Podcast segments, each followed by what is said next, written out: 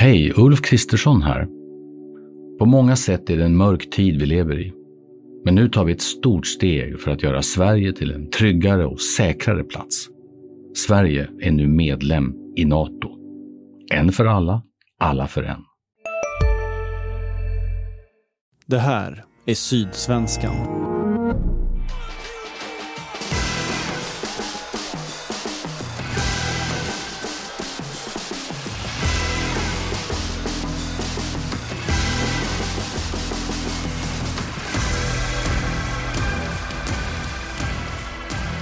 Välkomna tillbaka till MFF-podden. Det här är avsnitt nummer 339. Jag heter Fredrik Hedenskog och jag har sällskap i studion av Max Wiman och Fredrik Lindstrand denna sena söndagkväll. Jag skulle säga, du får väl nästan säga att klockan är typ 22 och...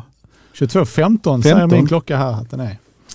Eh, enligt mina avancerade matematiska beräkningar så är det här femte gången jag är med och gör en podd om Malmö FFs SM-guld. Eh, ni har väl förmodligen då åtminstone en till. Eh, eftersom ni började tidigare. Jag funderar på vilken är din första? Alltså 2016 var... Eh, Men de tog guld 14. 14. Ja. Och de tog guld 13. Redan 2013 hade vi faktiskt podd. Nej, det hade vi inte. Det var en annan podd va? Ja, vi hade, jag sa inte ja, MFF-podd. Ja, vi, hade, vi hade podd, men inte MFF-podd. Då spelade vi in på det famösa hotellet Sköna Nätter i Borås. Så var det. Um, Elfsborg den gången också. Ja, Eh, ja, det är ju såklart eh, Malmö FFs 23 SM-guld vi ska prata om idag. Eh, vi kommer att återkomma med eh, utvärderingen av säsongen i ett större sammanhang vad det lider. Men här och nu så ska vi prata om händelserna på stadion denna söndags eftermiddag. Eh, jag har suttit och häckat på redaktionen eh, hela kvällen medan ni har slitit och släpat i stadions innandömen. Och det finns ju ganska mycket att så att säga, som man säger på svengelska, packa upp eh, från den här matchen. Eh, men då utan vidare dröjsmål, Fredrik, vad är din sammanfattning av dagens upplevelser? Oj, det var en, en stor fråga. Eh, ja, precis som man fått ut sig så mycket. Det är texter och vi har varit livesändningar och, och, och, inte minst då matchen som man har, har sett. Som man och har liksom uppehållen i matchen. Ja, man har kastats fram och tillbaka och jag känner mig kanske någonstans så här efteråt ändå lite berövad på den på underhållningen som jag hade hoppats att det skulle vara. Jag, jag, det, det här, den här matchen fick ju tyvärr inte avgöras med liksom e, enbart sportsliga förutsättningar. Utan det här läktarkaoset, eller vad man ska kalla det, spelar ju in rätt mycket i utgången av den här matchen. Sen så jag har jag svårt att säga vilka det gynnade. Eh, rent spelmässigt kunde man inte se det, men jag hade velat ha en... Jag, jag hade gärna sluppit det, så kan man väl säga.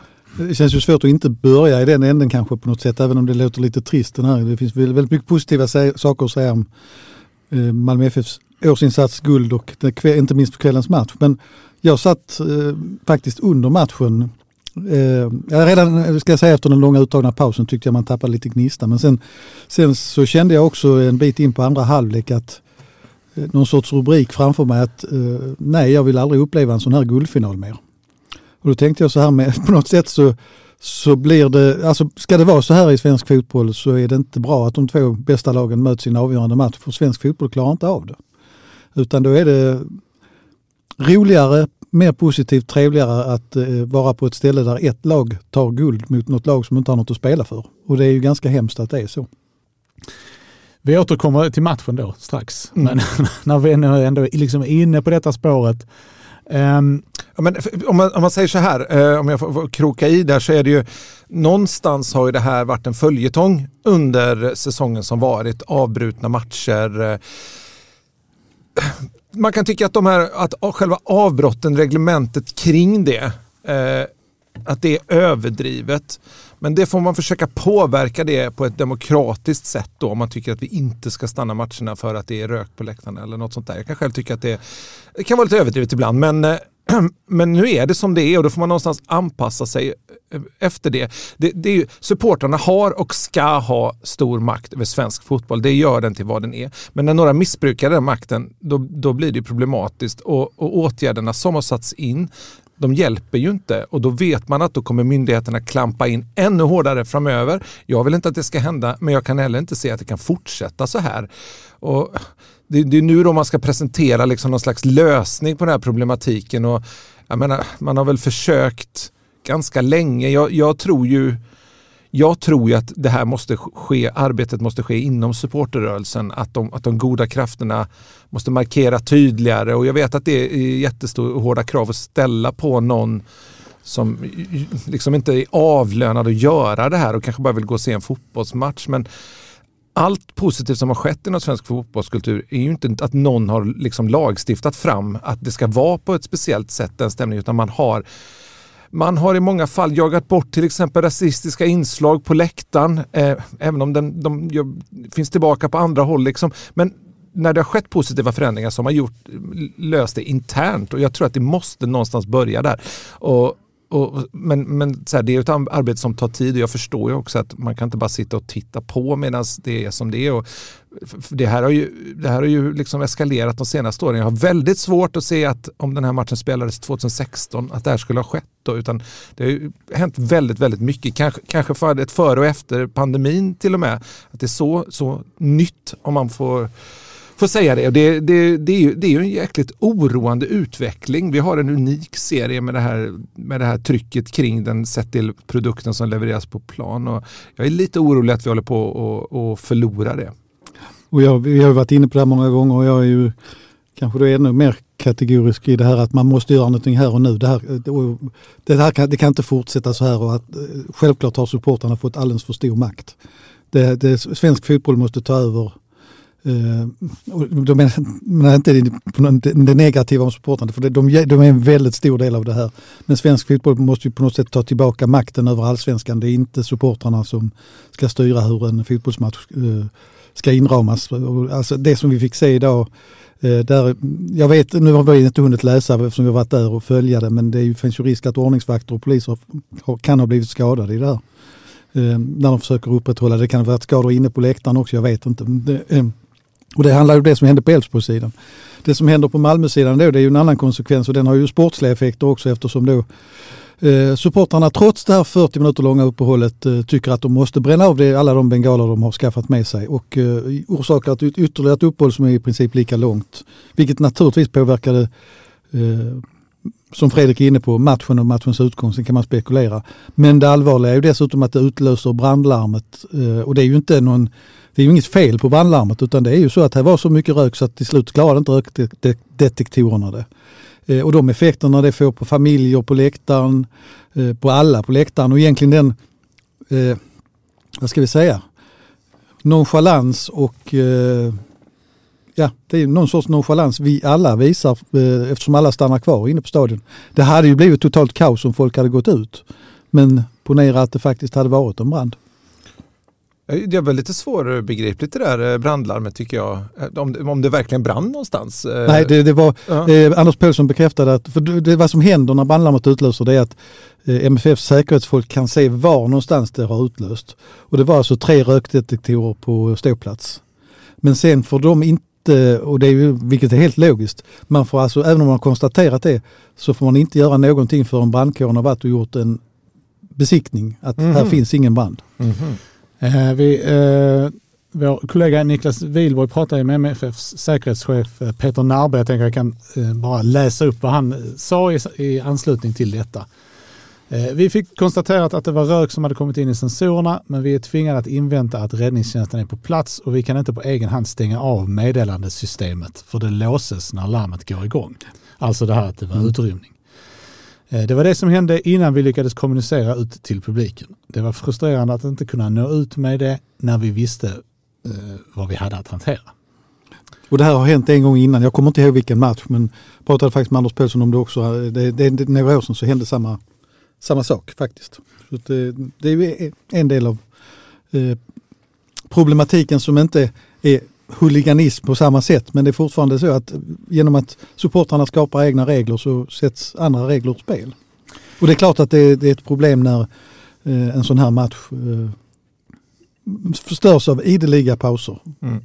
Och väldigt långa sådana. Ja, precis. Och det, det, är ju liksom attityderna som behöver ändras på. Det är lätt att, man, att den här diskussionen bara fastnas, fastnar i, i, i pyroteknik. Liksom jag har, sen jag började gå på fotboll någonstans sett bengaler som en del av det hela men när de används på det här sättet att man står och liksom försöker fräsa upp ett, ett skyddsnät och kastar på ordningsvakter då, då, då, då, har, ju, då har ju situationen urartat på något sätt. Då, då har man inte med sig pyroteknik för att höja någon slags stämning utan för att, för att, snarare för att sabotera den eh, och använda som ett vapen. Och det, då, då har ju liksom den kulturen delvis gått vilse och det, det är ju det är synnerligen allvarligt. Och det är notabelt återigen då att eh, efter matchen när det var, skulle, när besvikelsen var stor på Elfsborgs sida så small ett antal bangers varav någon var väldigt kraftig.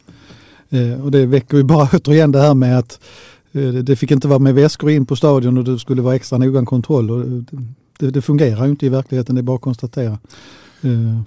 Nej, Sen är det, sagt, det säger Peter Narbe tillstår ju det i samma, samma intervju och han säger också att eh, förändring måste till. Och Pontus Jansson som, som eh, är liksom inte hymlar med att han gillar kulturen med bengaler och så vidare. Och det, det är respekt för honom att han står för det. Men även han tycker liksom att det har gått för långt. Och Anders Paulsson eh, uttrycker det till och med så här att om inte det händer någonting nu så kommer vi riskera att få spela, ut, inför spela färdigt matcher inför tomma läktare dagen efter nästa år. Fredrik, du skrev ju eh, i din krönika att du hade en bänkgranne som fick sig en liksom allsvenskan extra allt upplevelse. Ja, en utsänd från New York Times vid namn Rory Smith som eh, var på plats för att följa denna internationella popliga.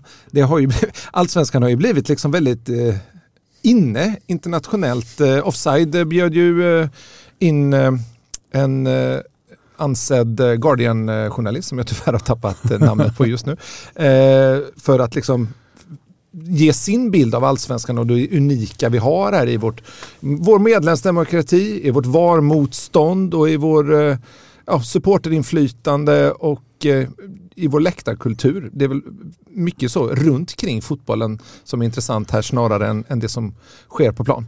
Eh, ja, han, han, han, han, vi pratade lite i, in, innan allt det här, vad ska man säga, urartade då, om, om vad som gjorde allsvenskan speciell och sådär. Ja. det blir intressant att läsa det sen. Ja, precis. Ja, men vi ska se vad han, eh, det, men det är, lite, det är lite, lite kul ändå för hela den här säsongen så har det ju varit internationell uppmärksamhet kring Malmö FF eh, och eh, allsvenskan. Dels New York Times och Guardian men vi har också den här killen i Hongkong, Max som var på, på plats även idag då och har liksom gjort analyser från andra sidan jordklotet på, på Henrik Rydströms spel och vi har även den bartendern från Skottland som uppfann den här termen relationism som har kommit hit och ja, det, det är liksom, det surras med MFF i Europa. För att eh, försöka göra någon sorts positiv övergång då, kanske till matchen också så den här New York Times-killen han måste ha fått en rätt häftig upplevelse före match. Då MFF tog tifo eh, jobbet till en ny nivå som inte helt, blev helt lyckat men, men eh, man hade ju alltså en växelsång med eh, där man hade sådana här, vad ska vi kalla det, tifoplattor till varje åskådare. Där jag vet inte om det syntes, men i tv bör det syntes, synts ganska tydligt eh, formades bokstäverna Malmö mitt i det blåa havet på långsidan. Det noterade jag. Och sen var det, det syntes inte så bra i verkligheten kan jag säga. Och sen så är det ett blått vågigt hav på, på ståplats. Jag, det var rätt raffinerat. Men det som hände var att när man dessutom körde hymnen utan musik så satt alla människor och sjöng bakom de här papperna så det lät som det var väldigt få åskådare på läktarna. Ja, och det blir också, det blir ju, alltså det blir alltid på en sån stor arena så blir det alltid eh, liksom glidningar i ljudet. Mm. Det är ju aldrig så att hela arenan sjunger samtidigt och det blir ju ännu tydligare när det inte finns någon musik. Så det var en god tanke som liksom delvis blev fel. Hade man kört hymnen med musik som man brukar göra så hade det funkat bättre. Men, Men var, samtidigt så känns det som att det hade varit, när man liksom hade kört utan musik under hela uppvärmningen så hade det blivit svårt att slå på den där och då. Men det var inledning till en, det var ju en häftig, om ja. vi ska prata om en match sen och en, en guldkväll så var det ju en häftig upplevelse ändå naturligtvis. Vad säger ni om matchen då? Hur var den eh, liksom som fotbollsunderhållning? Alltså det var ju, man märkte ju på spelarna att de var nervösa och att det, var, det här var någonting annat än en vanlig match. Eh, man kan ju liksom inte sätta sig som man kan göra i, i omgång 13 och, och liksom prata om spelvägar och, att, eh, och, och, och, den typen av saker. Det här var något helt annat. Tahali hade ju problem att ta, ta in bollen och Sergio Peña slog bort passningar. Och, Stefan Jubeka verkar inte ha spelat halk, fotboll. dubbar. halkade och, så, och det är liksom saker som normalt sett inte sker när Malmö FF spelar fotboll sker nu. Men när, när matchen så småningom satte sig så var det väldigt tydligt vilket lag, vilket lag som vågade ta hand om den. Jag, jag måste säga som, som objektiv betraktare var lite besviken på Elfsborg att man inte gjorde mer. Eh, det, det var ganska många gånger som man liksom började rensa tidigt och bara skicka upp bollen. Och den spelidé, den tydliga spelidé eh, och vägvinnande spelidé vi har sett så mycket av säsongen var ju helt bortblåst. Eh, Faktiskt redan mot Degerfors såg man ju dem, men det var en annan typ av match för dem när de skulle gå för det och föra på ett annat sätt. Men av det där smarta Elfsborg som kan spela på och utnyttja motståndarens dominans, det, det såg vi ingenting av egentligen. Så Jimmy Tillin sa ju i paus i tv-sändningen att vi är här för, för att vinna. Ja, det Men det var tro. lite tveksamt. Ja, det, var det, det, är ju också ett budskap han har försökt att hamra in under hela veckan och det kan jag verkligen, verkligen förstå för han ville ju inte se sitt lag vara så här. Men det, det var ju precis tycker jag som Fredrik säger, jag, alltså, eh, inte exakta siffror men bollinnehavet i första halvlek var typ 76-24 eller något sånt där. Och Elfsborg hade fram till Malmö gjorde mål ett avslut som inte ens träffade mål. Mm, mm. Ja, de hade inget skott på mål den här matchen. Och... Hade de inte ens på slutet när de nej, pressade på? Nej, inte, inte enligt den statistiken jag, jag snubblar över. Ibland så är det lite oklart vad som räknas som ett, som ett skott på mål. Men eh, ja, någonstans är det ju, det, det kokar ju ner till den här matchen och hur man tar sig, tar sig an den då. Sen så får den ju speciella förutsättningar. Men, men jag vet inte om man ska säga att det är vinnarkultur eller någonting annat. För det är ju trots allt en, ja, en ytterst tveksam straff som avgör där i slutändan. Och Malmö FF skapar inte våldsamt högkalibriga chanser för att vara en match som man faktiskt måste vinna. Eh, det, det, det, målet som kommer kommer ju i ett psykologiskt väldigt, väldigt viktigt läge av matchen. För om klockan tillåts ticka upp över 70 så blir det en helt annan typ av match. De hade ju en väldigt vass chans. Eh, Taha Ali hade ju ett jätteläge att avgöra matchen sen.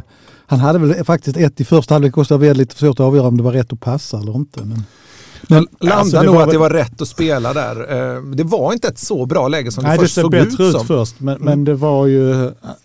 Kruxet där var att passningen var ju så himla kort. Ja, Vecchia fick ju liksom ingen tid på sig att men det jag, in fötter. Det jag tyckte var fascinerande, för jag vet jag resonerade ju innan eh, om liksom, det, skulle de bästa spelet vinna eller de bästa spelarna?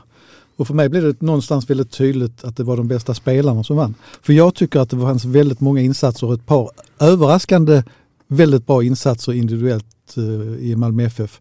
Bara för att nämna, alltså Busanellos match är helt makalös. Jag förstår inte hur människan orkar. och Han har en väldigt hög procent på sin teknik och löser alla möjliga situationer. Eh, Mittbacksduon gör ju också i, i det stora hela en fantastiskt eh, bra match. Pontus Jansson och eh, Derek Cornelius.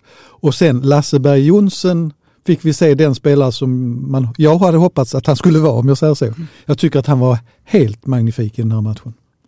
Eh, och för att nämna ytterligare en spelare så tycker jag att eh, Isak Kiese får mycket skit och det, han har haft det kämpigt delvis. Men den kampinsatsen, alla de dueller han vinner idag och att han faktiskt har kylan att ta straffen när han själv har blivit fälld eller vad som nu hände.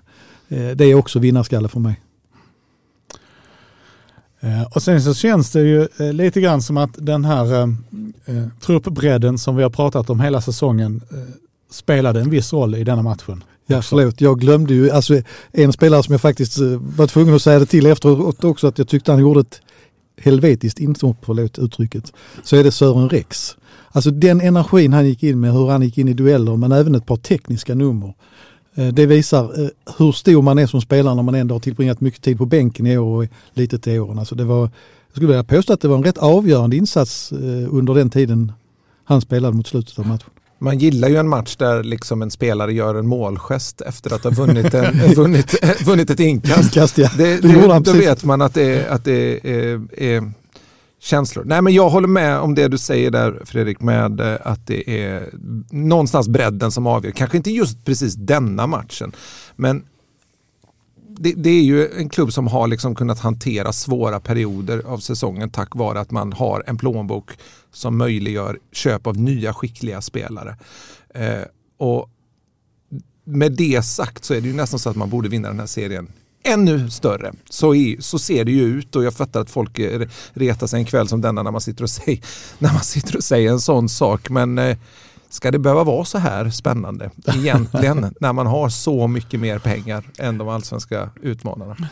Jag vill ju aldrig prata för mycket pengar men det finns ju en poäng i det naturligtvis. Men jag, samtidigt tycker jag man ska trycka på Eh, Eh, och faktiskt hålla med MFF-ledarna lite grann vad de har sagt tidigare att efter den katastrofsäsongen som man ändå får kalla förra året med MFF mot mätt så att studsa tillbaka på det sättet man har gjort och vinna mästerskapet eh, om än med kamp in i det sista det är, det är, det är starkt gjort att renovera eh, ett, ett, ganska stort kaos. Mm. Och det med tanke också... på tränarbyten och allt vad som hände förra säsongen och ingen ja, och ordning på någonting. Det känns ju också när man summerar den här säsongen, vilket vi inte skulle ägna oss åt idag. Men, det kan vara, men att den här inledningen med åtta raka segrar, den har ju färgat av sig på resten.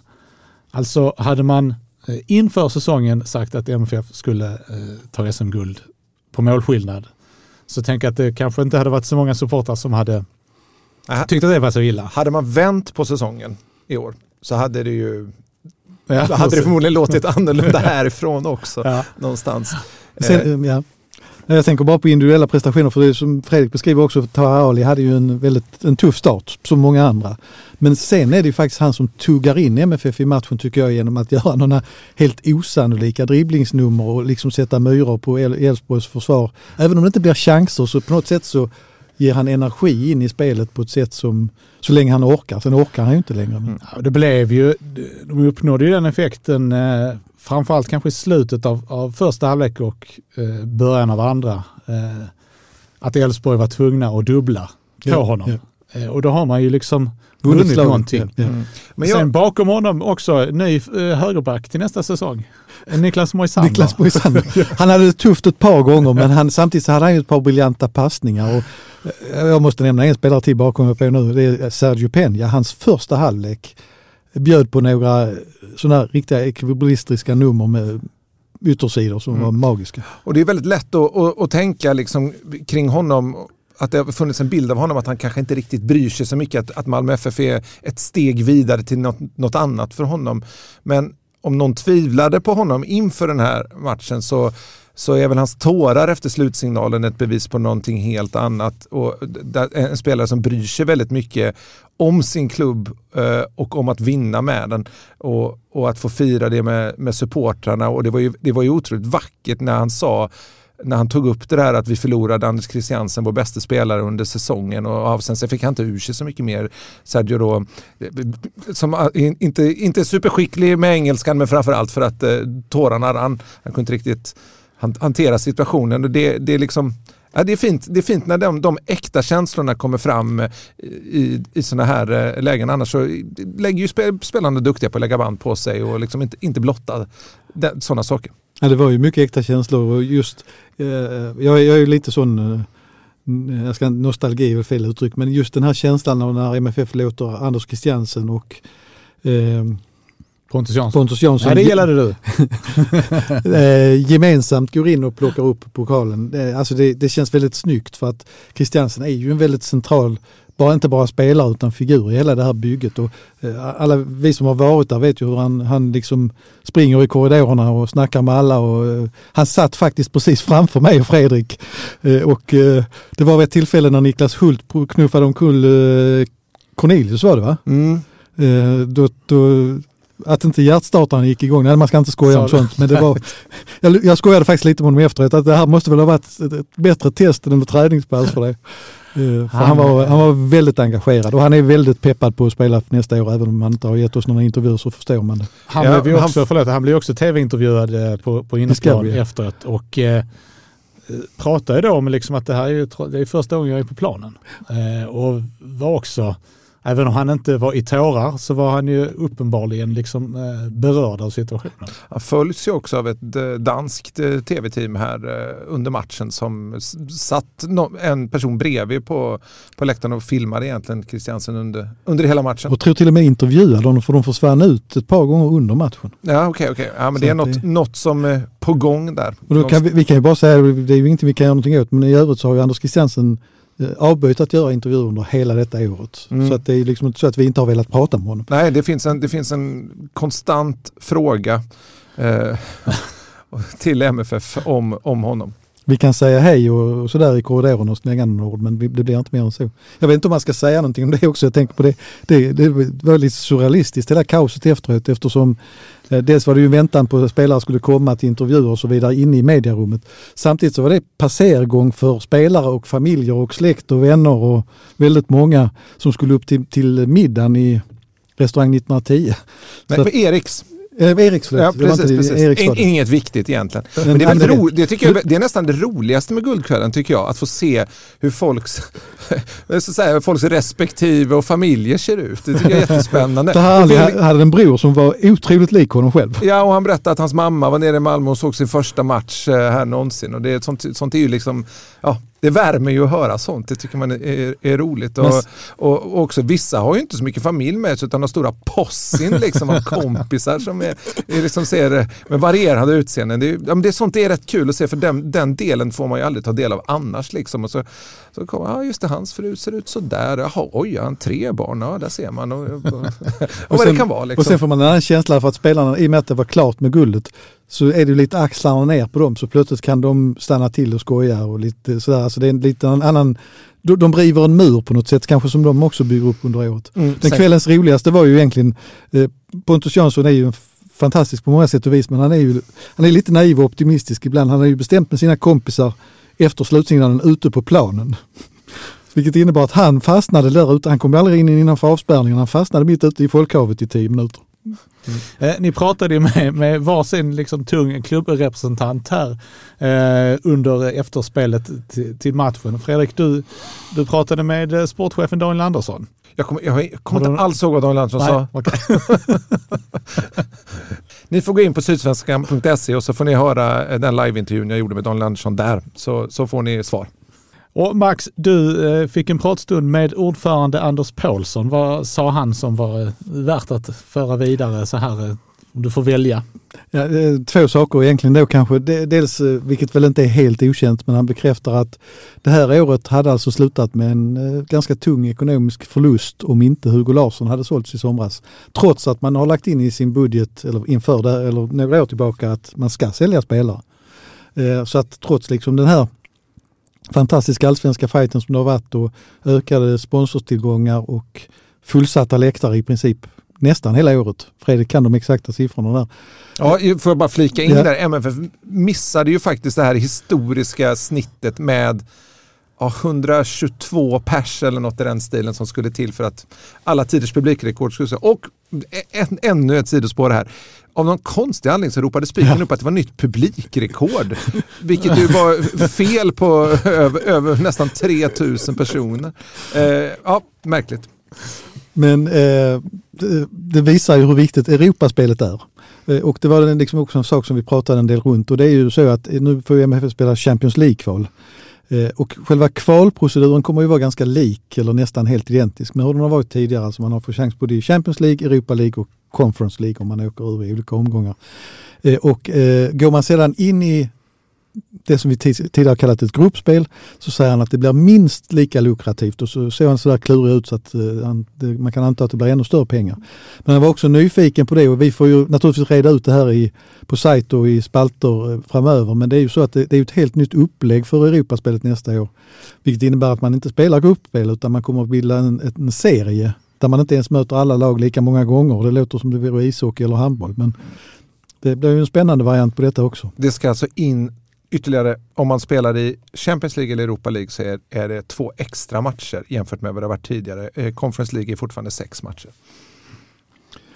Så att det, det, det, och det, om man då pratar ekonomi så är det ju så att eh, så hårt är det att missa Europa när man är på MFFs eh, nivå. Eh, men han menade också att man ville hålla kontinuiteten och satsade ganska hårt då inför det här året. Både på investeringar i spelare och investeringar även i stadion. Så att eh, ekonomiskt så, så, ser man väl fram emot något spännande och att han till och med, jag fick till och med honom att säga att det kanske inte vore fel att hamna i Europa League istället för att kunna nå lite sportsliga framgångar också.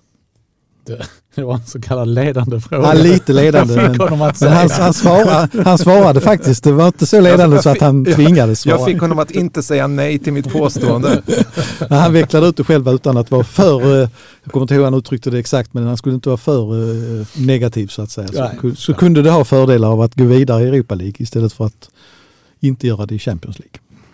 Eh, vi kommer som sagt att återkomma till den här guldsäsongen eh, i en eh, större utvärdering, men innan jag släpper vill jag fråga kort om den här då.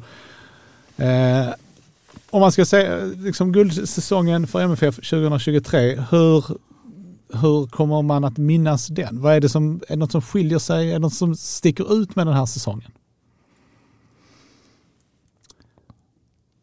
Jo, där tystnade det. Det hör inte till vanligheterna. Jag skulle ställt en ledande fråga istället. Jag stod och pratade lite med Olof Persson, jag tror jag kan outa det. Vi, vi stod och diskuterade lite grann eh, att det här är kanske inte det starkaste guldlaget MFF har visat upp på senare år. Eh, om man liksom ska se till hur spelet har sett ut. Så det är väl inte, det är liksom inte den wow-säsongen på det sättet kanske. Den var det ju i åtta omgångar. Ja, det är väl mer att man minns den för att det blev så spännande i så fall. För mig, jag vet inte om det är något som sticker ut, men det, det känns ju som att Henrik Rydström och hans spelfilosofi är den, den röda tråden i Malmö FF eh, 2023. Och för mig känns det som starten på ett nybygge som är långsiktigt och där klubben faktiskt för första gången på ganska många år verkligen är övertygad och menar det och är beredda att att, att verkligen tro på det här och den förändring man gör. Och det, den kritiken vi har mot Malmö FF för ja, men svackor under säsongen och att man kanske inte har imponerat så mycket som man kanske borde göra med det ekonomiska försprånget springer ju ur det här att man bygger nytt och man ska alltid ha med sig det. Eh, det är ju liksom Egentligen skulle vi spela in en podd om tre år. alltså man skulle, så man kan, Idag? ja, precis. Ja, men det, det, det, det är ju renoverings renovering pågår-skylten är ju där och det får man ju någonstans ha med sig i de analyserna man själv skriver och för er lyssnare när ni läser och, och hör. Och, att det, det, är ju liksom ständigt där i bakhuvudet. Och där finns en rätt intressant koppling med Pontus Jansson faktiskt tycker jag.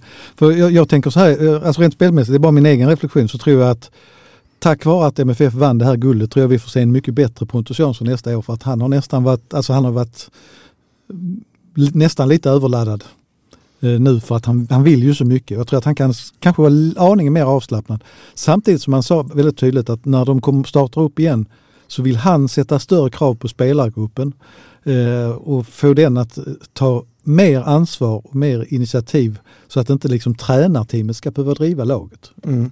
Nej, men det, och det är väl en stor anledning till att MFF tar hem honom också. Nu hade de väl inget val nästan, vet ramaskri man inte gjorde. Det var inte det som var frågan, men att, att det är en, kanske ett dåligt uttryck av mig, men att han, det är en väldigt stor, vad ska man säga, man får dels det Pontus Jansson levererar på planen, men man får också väldigt mycket annat och det är nog en stor stark del av det. Pontus Jansson, alltså han kommer ju hem och gör en den är, det är inte en fläckfri eh, hemkomst han gör, men den håller eh, överlag en väldigt hög nivå. Han har väldigt stor del i att ett lag som är på väg i lite olika riktningar under sommar trots allt hittar en gemensam väg framåt även om man halkar och snubblar i vissa gropar och sådär så finns det en tydlig riktning och den är framåt och den, den leder till slut till det här SM-guldet. Han blir ju såklart jämförd med Marcus Rosenberg som kommer hem men Marcus Rosenberg får en hel försäsong på sig. Han kommer inte, han kommer inte tillbaka till ett lag vars lagkapten har liksom hastigt ryckts ifrån truppen eh, under turbulenta former. Och, och det, liksom, det, blir på ett annat sätt. Dessutom är Marcus Rosenberg en am, am, var en anfallare. Och en anfallare kan liksom göra en, ett gäng misstag på en match men ändå hitta, hitta rätt med en passning eller ett mål. Om, om Pontus Jansson gör ett misstag, då, då, då, får det helt andra effekter, speciellt när det pågår en guldstrid samtidigt. Så att, jag menar, det, det går liksom inte att, att, att göra, dra säga så mycket om, om, om liksom hans påverkan på MFF så. Eh, ur, ur det Marcus Rosenberg bedömningsgraden liksom, utan det här är någonting annat. Och han han är ju, har ju en jättestor del, stor del i, i det här SM-guldet, även om det liksom inte visar sig på det sättet som när Marcus Rosenberg gör mål borta mot AIK och hyschar publiken. Det är, inte, det är inte riktigt den saken. Nej, det var intressant också i, i den intervjun som du gjorde Max, att han liksom redan nu eh, tittar framåt Ja. trots allt. Nu tar vi ledigt i december och sen kör vi Sen kör vi igen. Det, Och det, då det, pratar han ju också om, om det här att då har vi tillbaka eh, Christiansen och vi har tillbaka Oliver Berg och vi har tillbaka Anton Tinner- Tinnerholm. Där, Eh, där får jag faktiskt, så kan man smyga in det eh, nu när du sa Anton Tinnerholm. Jag pratade med honom på Guldfesten i live-tv att eh, han har ju fått ett litet bakslag efter operationen. Han, de hade ju hoppats att han skulle kunna spela under den här guldstriden även om de inte lovade någonting. Då. Men ja, han skyndar långsamt. Han kommer förmodligen inte vara med när träningen drar igång i januari. Jag frågade vad han siktar på. Om han siktar på allsvensk premiär, kupppremiär eller träningslägret. Men han vill inte sträcka sig så långt. Han vill inte prata om det, sätta något datum. Så, så att eh, just med, i Tinnerods fall så ja, det kan nog bli det kan nog ta ytterligare ett, ett, några månader faktiskt. Skönt för honom då att vi har världens längsta försäsong. Ja precis, det, han har aldrig varit så glad över det som nu. Vad gäller liksom truppbygget och truppens sammansättning i större bitar så, så kommer vi såklart att återkomma med det. Men jag tror att vi sätter punkt här ikväll. Eh, ni, eh, jag förstår om ni är lite mosiga i huvudet. Det är faktiskt även lyssnarna eller vi? Ja, ni. Eh, Det här har varit avsnitt nummer 339 av MFF-podden där vi anser att konstgräs ska förbjudas i svensk elitfotboll. Jag heter Fredrik Hedenskog, jag har ett sällskap av Max Wiman och Fredrik Lindstrand och ansvarig utgivare är Jonas Kanje. Tack för oss, hej hej! Hej då!